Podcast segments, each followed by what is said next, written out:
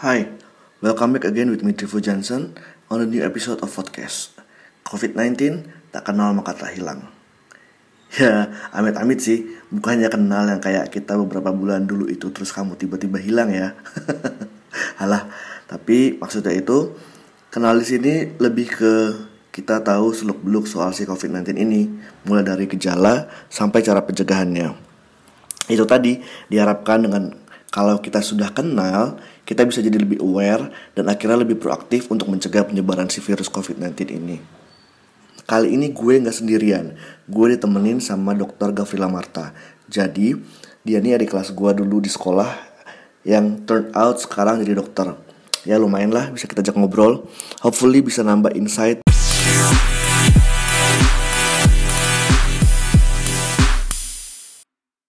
Hai Gav. Hai. Apa kabar? ya, masih baik-baik sih syukurnya. Gavrila ini tuh adik kelas gua dari zaman sekolah dulu.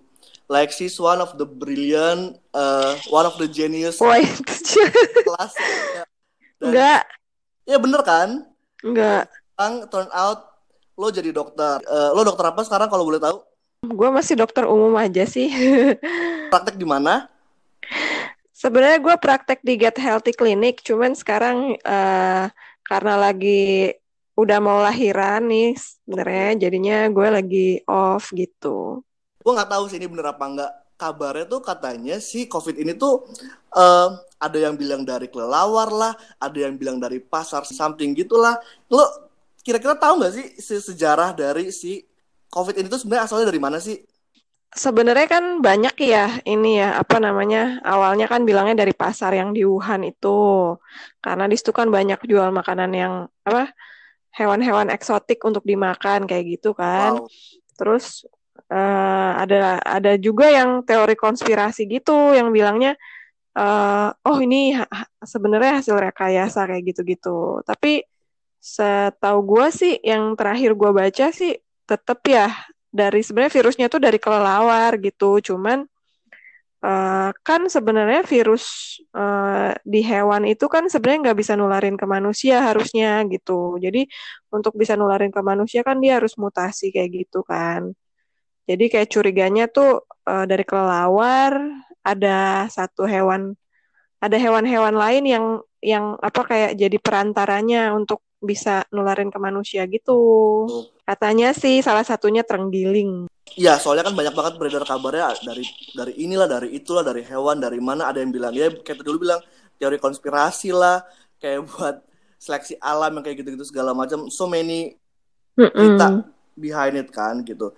Um, nah, sekarang seberapa kalau dibilang seberapa bahayanya pasti ya bahaya sekali gitu.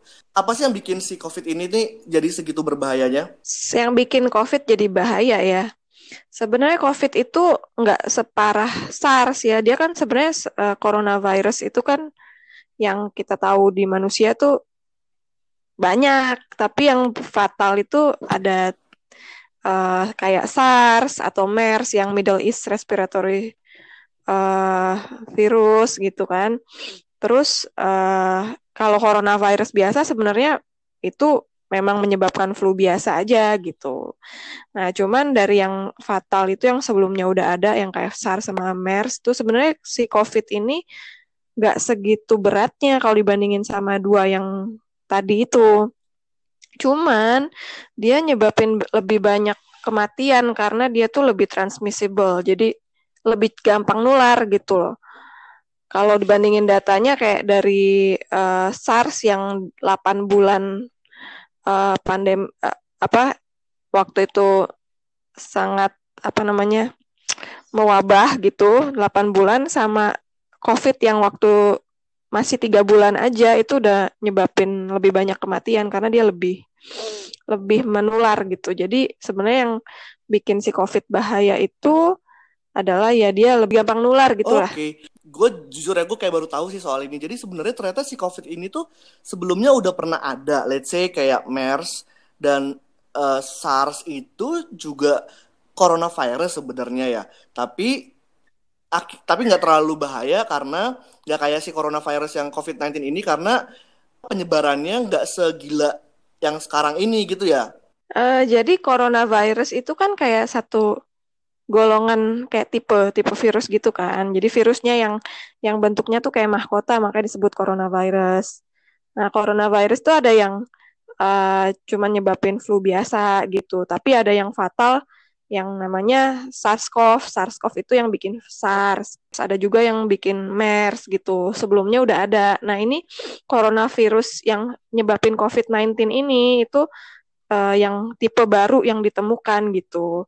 Tipe baru yang ditemukan, makanya disebutnya uh, sebenarnya nama virusnya itu SARS-CoV-2 karena uh, dia punya sifat mewabahnya itu mirip banget sama SARS gitu sebelumnya mirip banget sama SARS. Jadi dia disebut SARS-CoV-2. Nah, penyakitnya itu namanya uh, COVID-19, coronavirus disease uh, type 19 gitu. Sebenarnya sih dia lebih ke arah penyebarannya itu pernafasan ya. Jadi kayak dari pernafasan, terus bisa juga yang lately itu fekal oral. Fekal oral itu artinya kita dari iya. makanan. Ya. gitu. Jadi dari makanan terus dari pernafasan. Hmm paling dominan itu sih dari pernafasan gitu. Cuman ini kan virus baru ya kita juga nggak nggak tahu uh, secara kita nggak bilang kita tahu secara 100% dia tuh udah kita udah tahu virus ini secara 100% gitu enggak lah gitulah. Jadi makanya waktu itu kan sempat yang kayak katanya oh bisa nular dari uh, mata gitu kan. Ada kan yang bilang oh, kayak gitu. Nah, jadi mungkin kalau gue sih lebih ke arah uh, make sense-nya dari ini sih kayak mungkin kalau droplet yang dibatukin orang terus masuk ke mata, mata itu kan uh, selaput lendir kan, kayak hidung itu kan selaput lendir, mulut itu selaput lendir.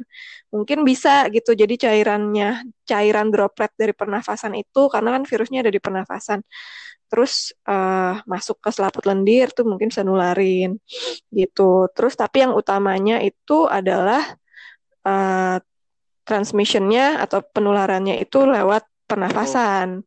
Jadi droplet jadi kayak cairan cairan yang berukuran mikroskopik yang keluar dari uh, pernafasan orang. Kayak misalnya waktu dia batuk atau dia bersin atau mungkin waktu dia teriak atau mungkin waktu dia nyanyi gitu.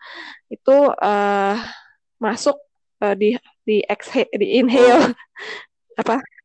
Sama orang lain nah itu nularin terus uh, sama yang uh, the fact bahwa si virusnya itu masih positif di fases orang yang uh, swabnya udah negatif jadi ada risiko penularan secara oral artinya dari makanan gitu.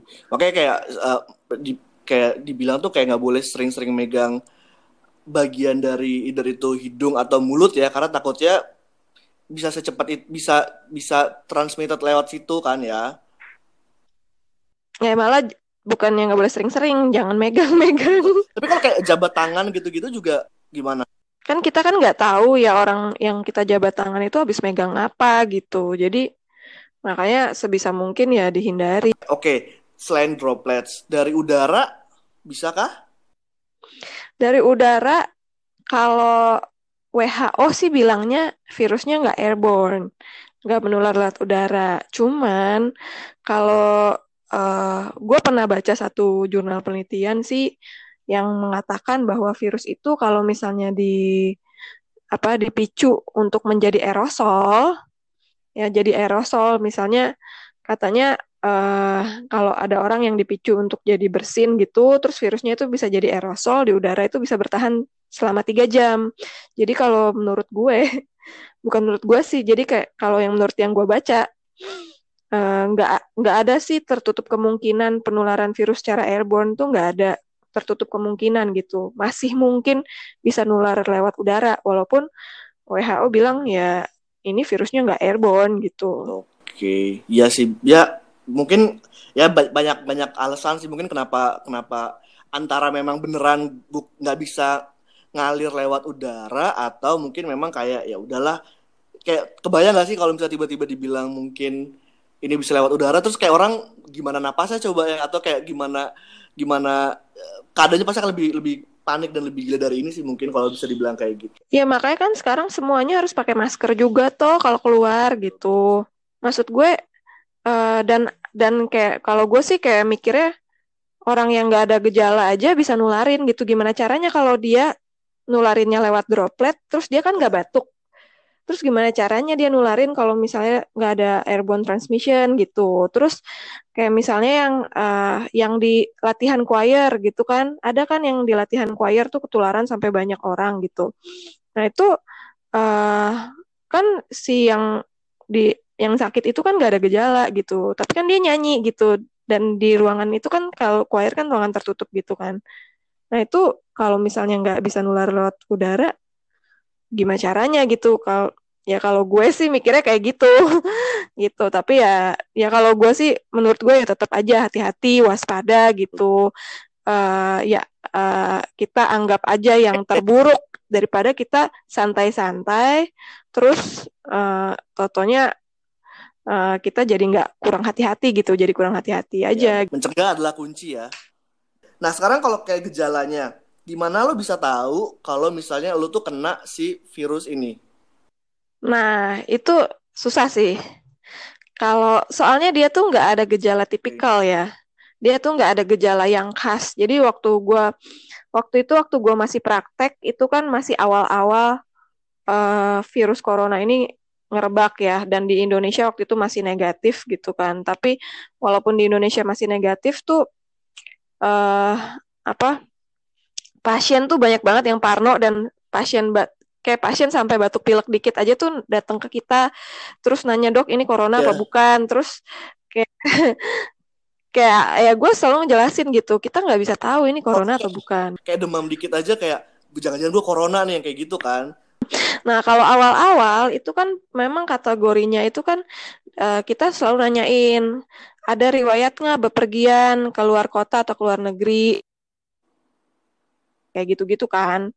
Tapi uh, later kan kayak dalam perkembangannya si virus ini jadi community uh, acquired kan, jadi jadi bukan yang jadi kayak menularkan di sekitar kita aja gitu. Jadi walaupun orang itu nggak ada riwayat ke luar negeri atau keluar kota, tetap aja bisa ketularan karena udah disebarkan lewat komunitas gitu.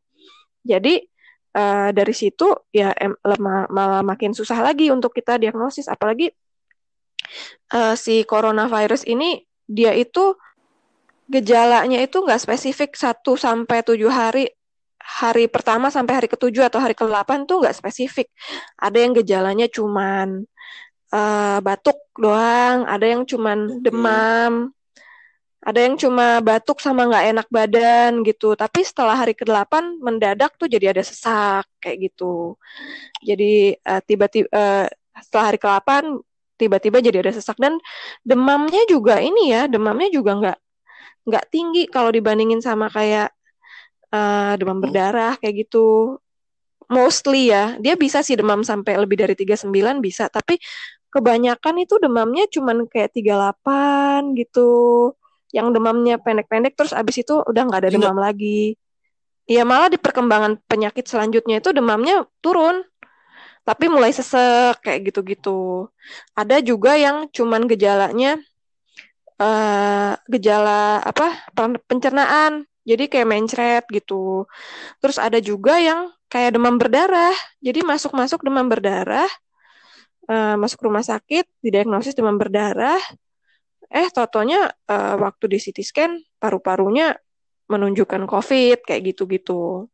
Jadi benar-benar nggak nggak spesifik. Kayak bisa aja gitu kayak yang orang sehat-sehat mm -hmm. aja gitu bisa nggak sih yang kayak nggak ada apa-apa terus tiba-tiba ya jeder aja gitu tiba-tiba lah COVID gitu bisa. Bisa dia bi bisa aja orangnya bahkan kayak nggak ada gejala terus dicek uh, positif jadi dia isolasi diri kan gitu tapi ada juga orang yang uh, gejalanya udah nggak berkembang gejalanya dia emang sembuh sendiri tapi ada juga yang dari tadinya nggak ada gejala jadi ada gejala jadi sesek jadi parah gitu bisa gitu. Jadi, tergantung daya tahan tubuh masing-masing. Gue tiba-tiba sakit. Ya udah langsung periksa aja.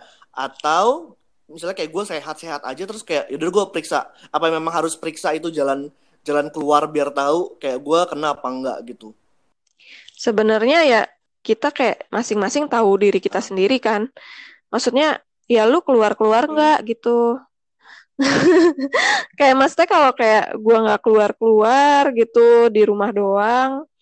Uh, terus ya gua batuk pilek misalnya ya udah uh, lu observasi aja, minum vitamin, istirahat. Biasa kan kalau batuk pilek kan kita minum vitamin, istirahat gitu. Tapi kalau misalnya lu, lu ngerasa kok gue batuk pilek udah berapa hari nggak sembuh-sembuh hmm. ya gitu. Ya mulailah mungkin lu bisa konsultasi online gitu. Ya gue sih nggak untuk dalam kondisi seperti ini sih gue nggak nyaranin untuk lu langsung ke klinik. Karena justru kalau ke klinik kan atau ke rumah sakit kan lu malah kena risiko untuk terpapar virusnya kan karena lu nggak tahu yang datang ke sana sakit atau enggak gitu mendingan lu kayak konsultasi online atau lewat telepon yang kayak di hotline gitu kan udah ada hotline kan sekarang gitu jadi supaya lu kalau misalnya merasa oh gue nggak enak badan nih nggak sembuh sembuh uh, udah berapa hari gitu uh, telepon aja di hotline gitu supaya lu tuh uh, ngelapor diobservasi uh, karena si covid itu biasanya kalau uh, gejala beratnya itu baru muncul hari ke-8, hari ke-7, kayak gitu kan. Tapi kalau lu misalnya hari ketiga, hari keempat udah lapor kan lu bisa diobservasi gitu sama yang dari hotline-nya itu gitu. Sehingga pada saat lu muncul gejala yang berat, lu udah bisa lapor lagi gitu. Oh, uh, ini ternyata gue jadi sesek nih kayak jadi gitu. Jadi yang paling benar itu emang kayak lu tahu diri lu, tahu imun lu udah kayak gimana. Kalau emang tiba-tiba lo mengalami gejala-gejala yang kayak oh kayaknya apa benar covid nih gitu gue sampai kelamaan juga gitu karena yang tahu yang tahu badan lo dan tahu imun lo kan diri lo sendiri Iya dan dan lu juga tahu kan lu ke mana gitu atau lu misalnya oh tetangga gue ada yang covid nih ya lu harus lebih hati-hati gitu atau uh, eh, gue baru ketemu sama si Anu kemarin dia dari mana gitu kan lu juga tahu kan gitu jadi kecurigaan lu sama diri lu sendiri juga ya tergantung diri lu juga gitu. Nah, cara pencegahan yang terbaik itu jadinya apa untuk si COVID ini? Cara pencegahan terbaik gue sih bilang ya lu jangan ke mana-mana lah. Bener ya. Tapi iya. Soalnya kan kita nggak tahu uh, ada orang lain yang nggak ada gejala kan soalnya. Jadi kita nggak tahu siapa yang sakit gitu. Jadi ya pencegahan paling bagus ya lu jangan ke mana-mana gitu. Untuk itu kan yang kayak kalau kayak di video itu apa flattening the curve gitu kan jadi kayak dengan lo nggak ke mana-mana dengan lo di rumah aja lo nggak jadi carrier buat orang di rumah lo juga mm -mm, betul akhirnya jadi berkurang kelar juga nih si pandemik ini begitu kan ya uh, ya selalu pakai masker kalau emang terpaksa keluar lu selalu pakai masker terus di rumah uh, ya jaga-jagalah maksudnya uh, kebersihan di rumah gitu. Jadi uh, desinfeksi lah kayak handle pintu kayak gitu-gitu. Jadi kalau misalnya lu baru dari luar uh, baru dari luar mau masuk rumah ya lu langsung buru-buru uh, apa buka baju, mandi satu badan semuanya cuci ya, tangan. Cuci tangan dan barang-barang yang dari luar atau barang-barang yang lu udah pegang waktu lu masuk rumah sebelum lu cuci tangan itu lu desinfeksi lagi Hand sanitizer. Gitu. alkohol kalau nggak pakai klorin juga bisa. Klorin jadi lu bikin sendiri pakai clean gitu. Eh nggak boleh sebut merek ya. Iya pakai pemutih gitu lo encerin gitu. Kan ada tuh caranya. Diencerin uh, ya kira-kira satu banding sepuluh gitulah terus disemprotin aja gitu. Sama paling kayak minum vitamin ya. Iya, minum vitamin juga bisa sih, cuman ya kalau lu asupan buah-buahan atau sayurannya cukup sih nggak harus rutin-rutin minum vitamin ya. Soalnya kecuali kayak kalau tenaga medis tuh yang di rumah sakit kan memang mereka dikasih rutin gitu kan. Dan itu kan vitamin tuh kan nambahin nafsu makan terjadi gemuk lagi. Sama paling kayak akan teratur sama tidur cukup aja kali gitu ya. ya pokoknya uh, apa lakukan apa yang lu bisa buat ningkatin daya tahan tubuh lu terus lu jangan ke mana-mana terus kalau emang gitu lu butuh ke mana-mana. Ya, karena stres tuh nurunin imun. Imun adalah kunci.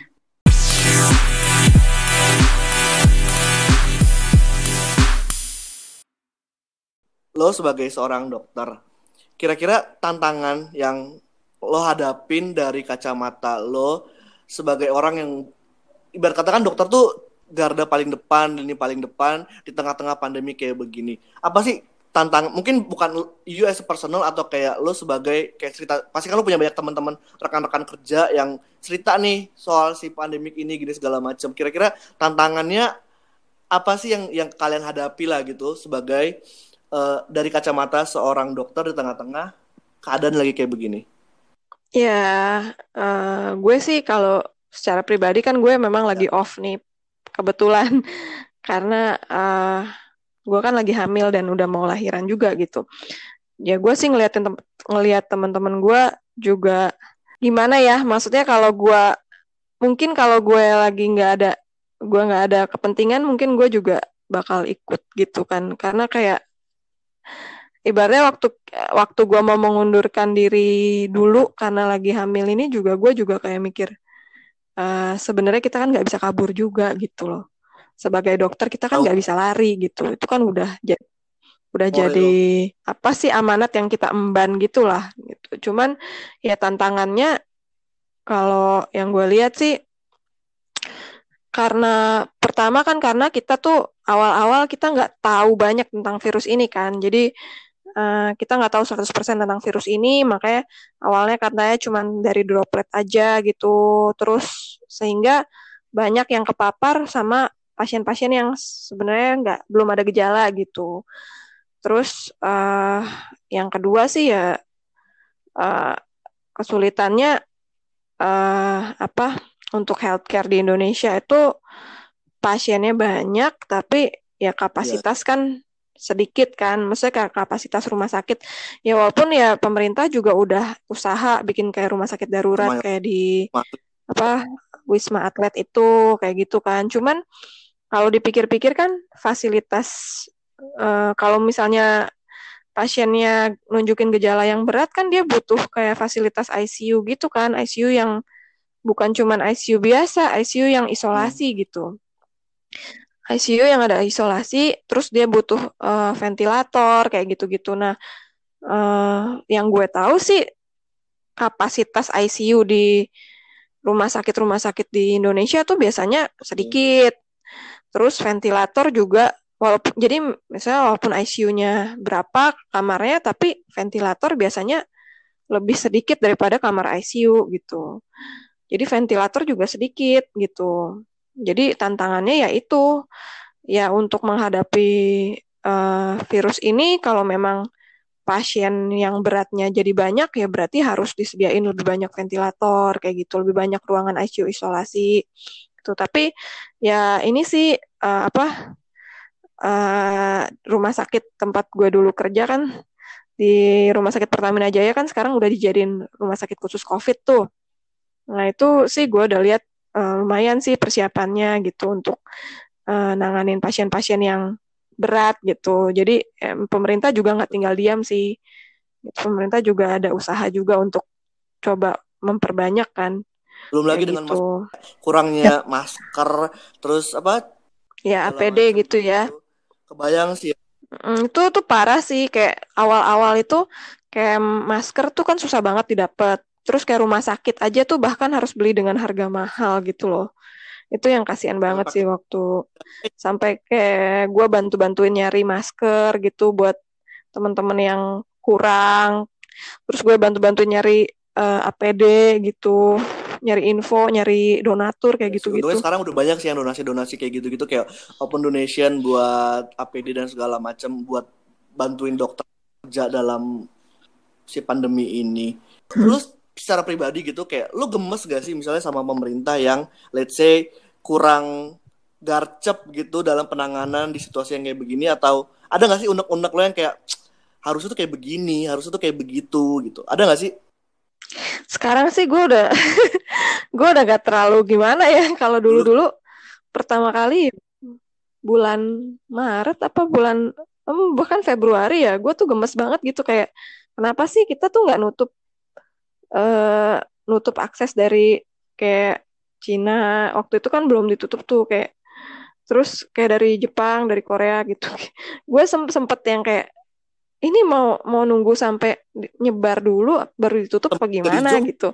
Terus eh, kenapa? Jadi kayak sepele aja gitu penanganannya kayak awal-awal tuh kayak masih yang gitu-gitu segala macam kayak Terus udah gitu kan screeningnya kan di bandara tuh cuman screening suhu doang kan. Jadi kayak kalau suhu lu normal ya udah lu lewat aja gitu. Walaupun lu dari Cina misalnya terus tuh suhunya normal, ya udah lewat aja. Tapi kan padahal kan di situ juga udah di situ juga kita udah tahu bahwa yang asimptomatik juga bisa nularin gitu itu kita udah tahu jadi kayak kayak kayak rada gemes gitu nggak sih kayak harusnya uh, semua orang yang masuk dari Cina bukannya di tes positif enggaknya ya gitu. Kayak gue pernah waktu itu sempat mikir kayak gitu. Ya mungkin karena dulu kan memang alat tesnya belum banyak terus biaya juga kali atau gimana. Terus nggak ada rapid test juga kan dulu Perang, gitu. menurut lo penanganannya udah lebih baik atau gimana? The way the cover, Hmm, gue lihat sih kayak uh, di, berusaha untuk jadi lebih baik ya.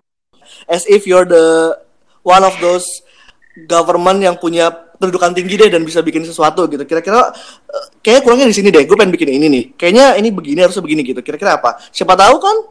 Apa kira-kira? Iya, gue sih kalau gue lihat sih kayak uh, angka kematian masih tinggi banget kan di sini gitu loh. Sedangkan kan sebenarnya kalau kita baca-baca fatality rate kan cuma 2% harusnya 2% doang gitu. Di sini 10% gitu. Jadi ya di situ kan sebenarnya kayak masih kenapa kok bisa kayak gitu gitu.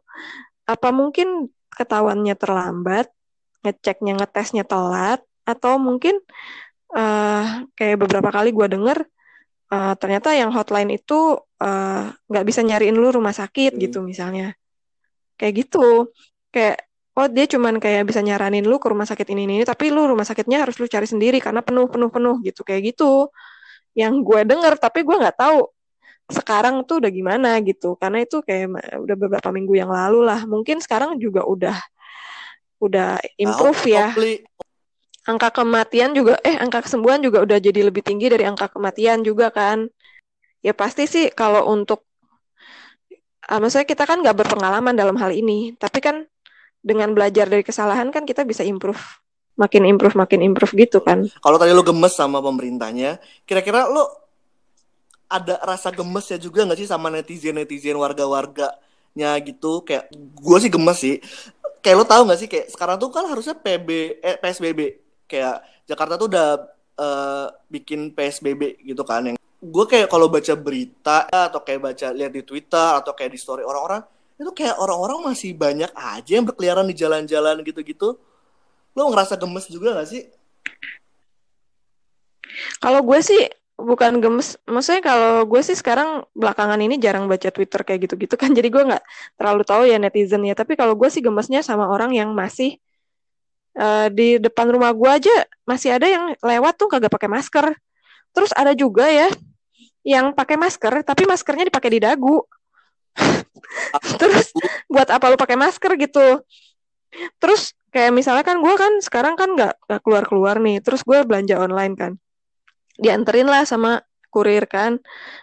Uh, dan dia pas nganter barang terus ngomong sama gue maskernya itu dibuka. Terus ngapain lo pakai masker gitu? Oke oke oke benar juga ya. Ini kayak lo kalau pakai masker even lo lagi ngobrol juga yang maskernya dipakai aja gitu. Iya kan untuk pencegahan waktu lo ketemu orang, terus lo ketemu orang lo malah buka maskernya, terus buat apa gitu lo pakai maskernya gitu loh. Terus ada lagi gak kegemesan kegemesan lo sama netizen apa gitu yang kayak harusnya nggak kayak gini nih cara menggunakan atau cara caranya. Tapi harusnya begini, begini tapi malah dilakukannya begitu gitu. Selain si mas oh ya cara pakai maskernya kayak gitu-gitu kan. Awal-awal ya gue nggak tahu lah kalau sekarang ma masih kayak gitu atau enggak ya. Tapi kayak kan sebenarnya kalau lu pakai masker kan bagian luar masker lu kan sebenarnya itu kan udah lu anggap harusnya anggap kotor. Jadi kalau pakai masker lu jangan pegang-pegang lagi maskernya gitu. Terus lu jangan kayak turunin naikin turunin naikin gitu. Kayak kayak gitu buat apa lu pakai masker gitu. Kan kalau turunin naikin kan tangan lu bisa aja nggak sengaja lu pegang kepegang hidung kepegang pipi gitu kan. Uh, atau enggak masker bagian luarnya bisa aja kena hidung gitu kan. Jadi kayak tetap aja ada risiko untuk kena virusnya gitu. Kayaknya harus diedukasi lagi deh cara pemakaian masker yang benar, cara membuka masker yang benar kayak Iya, gitu. benar, benar, benar. Nah, lu sendiri nih, lu bisa, kira-kira bisa prediksi nggak sih kapan kira-kira si COVID-COVID ini akan kelar? Ya kalau gue sih nggak bisa ya. Kira-kira, kita kan juga bukan Tuhan ya, gitu. tapi kayak kira-kira nih dengan dengan si netizen ini masih pada keluar-keluar rumah, terus juga pem- apa penanganannya masih kayak begini, kira-kira kayak masih bakal lama nih gitu atau gimana? Ya, gue sih baca yang di apa studinya UI itu loh ya. Ya katanya kalau misalnya masih belum pada disiplin, ya kemungkinan ini baru selesai Juli. Ah, puncaknya itu baru tercapai puncaknya itu bulan Mei gitu. Terus baru selesai ya Juli gitu. Ya mungkin Juli Agustus lah baru. Itu juga nggak tahu ya karena eh, kan ada juga yang beritanya bahwa orang yang udah pernah positif bisa positif lagi. Artinya imunitasnya itu kan nggak long lasting. Malah kayak ada Gitu. kayak bakal ada apa apa, apa Gelombang kedua, gua gitu gitu kayak anjir lumayan serem ya kayak tapi itu is it possible possible sih. Possible.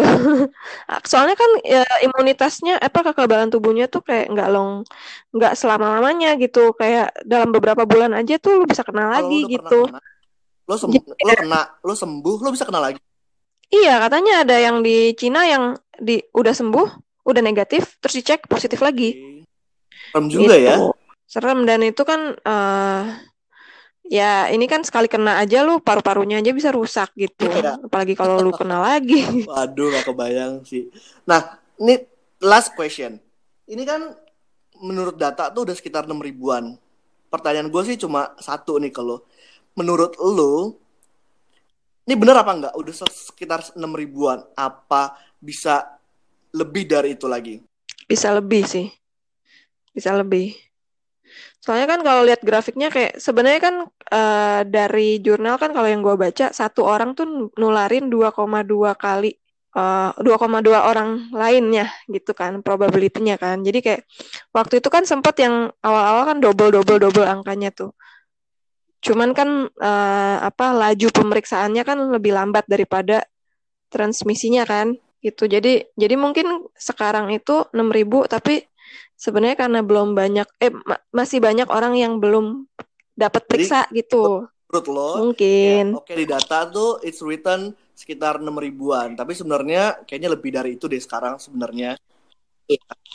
Ya, mungkin soalnya kan ngelihat kecuali ya, kecuali kalau lu social Ya. distancingnya nurut Dia patuh banget bapak gitu, masih pada patuh ya banget gitu. Jadi masih ada kemungkinan untuk penularan. Jadi mungkin sebenarnya banyak orang yang udah ada tapi masih belum kena periksa gitu atau belum muncul gejala gitu But, but misalnya. hopefully it will end soon sih. Kayak semoga cepet kelar aja biar kita semua bisa balik ke hidup normal lagi kayak dulu deh gitu. Iya, ini bener-bener udah suntuk banget soalnya. Suntuk, bosen, capek, bingung mau ngapain lagi semuanya nyampur di sini sih jadi satu. Advice lo terakhir deh buat orang di luar sana yang mungkin lagi dengerin, kira-kira eh, apa yang pengen lo bilang? Either itu kayak preventive way atau kayak lo harus begini atau apa? Ya, yang pertama sih ya lu jangan keluar-keluar lah gitu, di rumah aja. Terus yang kedua, belajar cara pakai masker yang benar, cara copot masker yang benar juga, Oh. gitu. Supaya kita tuh udah pakai masker nggak sia-sia, gitu. Terus yang ketiga sih, menurut gua orang awam nggak usah pakai sarung tangan. Buat apa sih pakai Iya. sarung tangan gitu? Maksud gua kayak lu pakai sarung tangan, oke, lu pakai sarung tangan plastik, lu nggak pakai sarung tangan latex karena katanya latex buat dokter, kita pakai yang plastik aja nggak apa-apa. Oke, terus lu pakai sarung tangan keluar, tapi lu tetap megang handphone, lu tetap megang tas lu. Terus lu lepas sarung tangannya, apa bedanya gitu? Sama aja kayak lu udah tahu keluar. Ya kalau gua sih ya, kalau gua mendingan gua bawa barang seminimal mungkin sampai rumah gua desinfeksi Sama dan gue cuci tangan gitu. Lu lepas sarung tangan, tapi barang lu udah udah terkontaminasi juga apa bedanya gitu? Buat apa lu pakai sarung tangan sih gitu? pakai masker Kalau menurut gua. ngomong sama orang maskernya ditut- dibuka lagi Ah, ah, gitu. Ka- eh, tolonglah pakai masker, pakai masker lah gitu. Jangan dibuka-buka gitu kalau lagi ngomong sama orang gitu. Malah kayak misalnya yang jualan jualan-jualan gitu naik sepeda uh, roti atau apa gitu. Jangan lu teriak-teriak. Lu pakai masker di dagu terus lu teriak-teriak roti roti gitu. Nggak ada nggak ada fungsinya juga.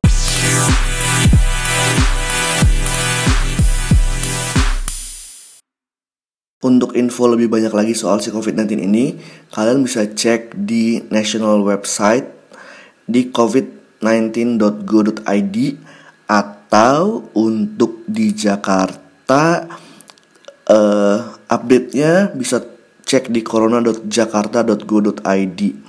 Um, untuk hotline-nya sendiri itu ada di COVID-19 hotline 119. Jadi, kayak tadi udah dibilang, kalau misalnya kalian tiba-tiba ada ngerasa atau ngalamin hal yang aneh dengan badan dan kesehatan kalian dan kalian curious about uh, whether kena atau enggak sama si COVID-19 ini, bisa langsung telepon ke hotline terlebih dahulu, konsultasi online sebelum uh, berlanjut ke uh, tahap berikutnya. Terima kasih Gavrila buat ngobrol-ngobrolnya loh. Kayak so many insight banyak banget yang udah kita dapat belajar hal baru soal si COVID ini yang tadinya mungkin kita nggak tahu apa-apa tapi hopefully dengan adanya obrolan kali ini orang-orang dengar bisa jadi makin tahu, makin aware dan bisa lebih preventif lagi buat ngejaga diri dari si COVID ini. Tapi inget ya ini pengetahuan akan terus berkembang. Jadi ya betul, stay betul. update lah. Banyak istilah-istilah baru yang mungkin kita baru dengar sekarang. Tapi kayak tadi gue bilang, it's good untuk tahu hal baru, ya kan? Jadi kayak it was fun. Terima kasih buat belajarnya dan juga buat insight-nya. I'm Drivo Johnson, signing off. Bye.